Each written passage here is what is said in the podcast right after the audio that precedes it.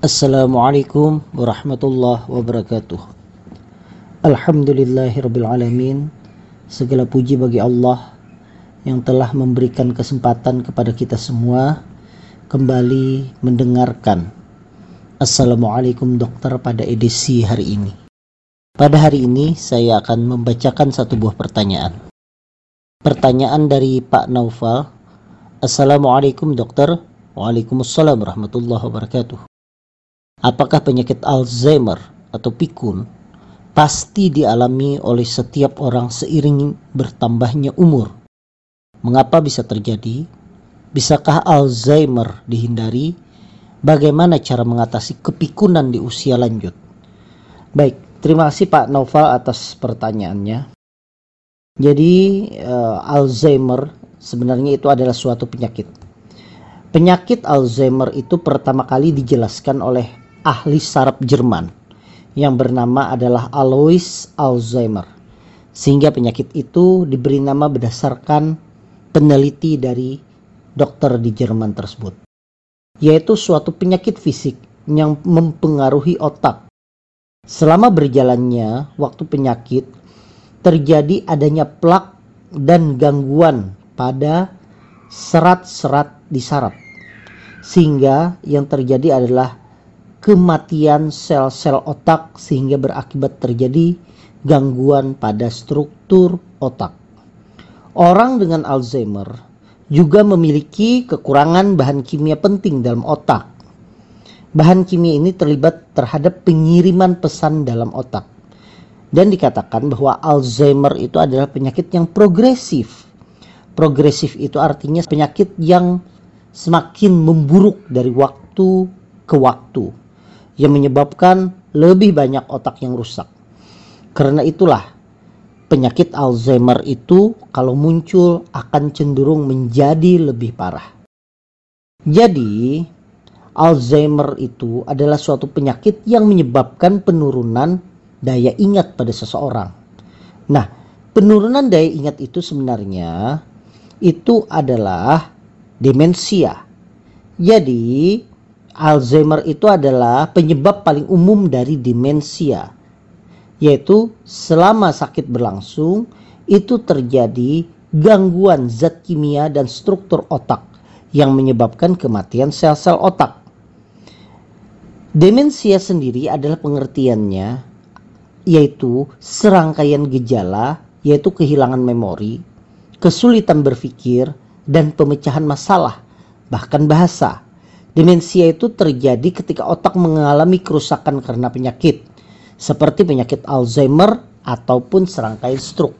Jadi begini, kalau kita berbicara Alzheimer itu adalah penyakitnya. Kemudian penyakit itu gejala paling umumnya adalah penurunan daya ingat. Nah, dalam hal ini penurunan daya ingat itu disebut dengan demensia. Jadi berbeda antara Alzheimer dengan demensia. Nah, Alzheimer sendiri itu sifatnya adalah irreversible.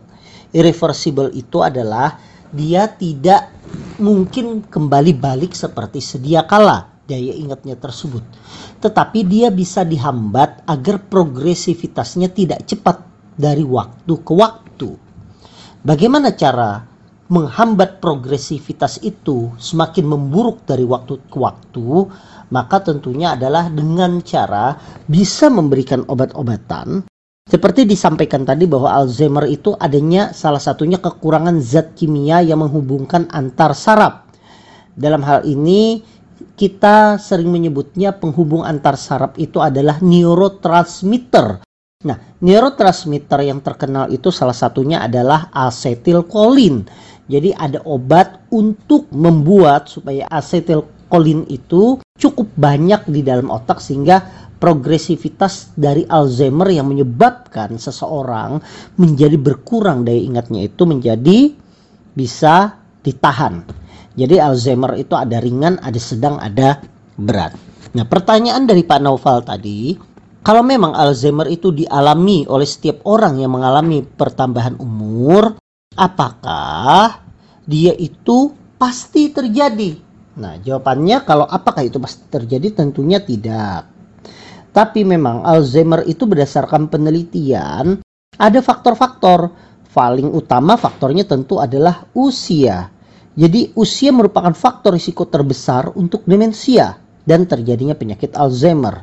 Demensia mempengaruhi satu dari 14 orang. Jadi satu dari 14 orang di atas usia 65 tahun itu terjadi demensia. Salah satunya karena penyakit Alzheimer.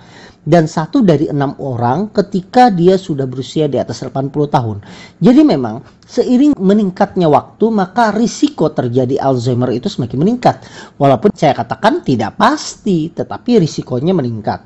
Kemudian selain itu Alzheimer itu juga karena pembawaan genetik kita tahu bahwa ada beberapa keluarga yang jelas mempunyai pembawaan penyakit dari satu generasi ke generasi berikutnya dalam keluarga yang terjadinya dulunya kakek neneknya yang Alzheimer kemungkinan anaknya juga Alzheimer dan cucunya juga kemungkinan bisa Alzheimer karena dia diwariskan secara genetik. Jadi harus berhati-hati kalau punya riwayat kakek nenek almarhum yang pikun yang pernah lupa tempat tinggal tersesat misalnya ataupun menyebutkan nama berkali-kali yaitu kemungkinan dia terkena Alzheimer.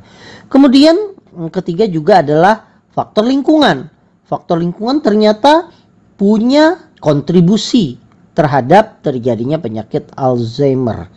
Dan ada faktor lain, misalnya dikarenakan adanya perbedaan kromosom, orang dengan Down syndrome itu dikatakan memiliki peningkatan risiko berkembangnya penyakit Alzheimer dibandingkan orang yang tidak Down syndrome. Kemudian, orang yang memiliki cedera kepala berat atau cedera leher juga memiliki peningkatan risiko mengalami perkembangan demensia yang menyebabkan seseorang itu menjadi Alzheimer. Misalnya sebagai contoh juga, petinju yang sering menerima pukulan terus-menerus di kepala itu memiliki rasio lebih tinggi terjadinya penyakit Alzheimer daripada orang yang tidak bertinju. Nah, ada penelitian lain menunjukkan bahwa orang yang merokok kemudian memiliki tekanan darah tinggi, kadar kolesterol tinggi, atau diabetes mellitus yang tidak terkontrol ternyata punya peningkatan risiko perkembangan penyakit Alzheimer. Ini masih penelitian, memang belum dirilis bahwa itu betul-betul menyebabkan tetapi harus hati-hati. Sehingga kita perlu menjaga agar tidak merokok. Kemudian kita juga kalau ditanya e, pertanyaan Pak Noval tadi bagaimana cara mengatasinya? Ya menurut saya misalnya dengan tidak merokok atau kalau sudah merokok berhenti merokok. Kemudian makan dengan diet yang seimbang, yang sehat dan melakukan pemeriksaan tekanan darah secara teratur dan melakukan pemeriksaan profil lipid darah, kolesterolnya, trigliseridnya, kemudian menjaga berat badan, gaya hidup yang sehat dengan memakan banyak serat seperti sayur dan buah, serta selalu menggabungkan kegiatan mental dan sosial untuk meningkatkan pola berpikir kita itu ada sangat membantu terhadap pencegahan terjadinya Alzheimer. Jadi kalau pertanyaannya apakah pasti bahwa itu akan dialami tiap orang bertambahnya usia? Ya tidak pasti, tetapi semakin tinggi usia semakin tinggi risiko terjadinya Alzheimer. Kemudian bisakah Alzheimer dihindari? Pada orang dengan genetik Alzheimer tentunya keniscayaan sulit untuk dihindari. Tetapi ada cara untuk mengurangi progresivitas tersebut seperti yang saya sampaikan tadi. Demikian apa yang bisa saya sampaikan. Semoga ini bermanfaat. Saya doakan semoga kita semua bisa terhindar dari penyakit Alzheimer itu dengan cara selalu beraktivitas. Bagi yang sudah pensiun, jangan hanya tinggal di rumah, tetapi tetap bersosialisasi, tetap berpikir, tetap urun rembuk, karena bagi kita semua orang tua yang sudah pensiun yang usia di atas 60 tahun bukan orang yang tidak berguna tetapi senior yang sudah banyak pengalaman yang bisa memberikan nasihat kepada kita semua yang masih muda-muda ini. Mari kita semua berdoa semoga kita diberikan kesehatan sampai kita nanti sudah tua. Wassalamualaikum warahmatullahi wabarakatuh.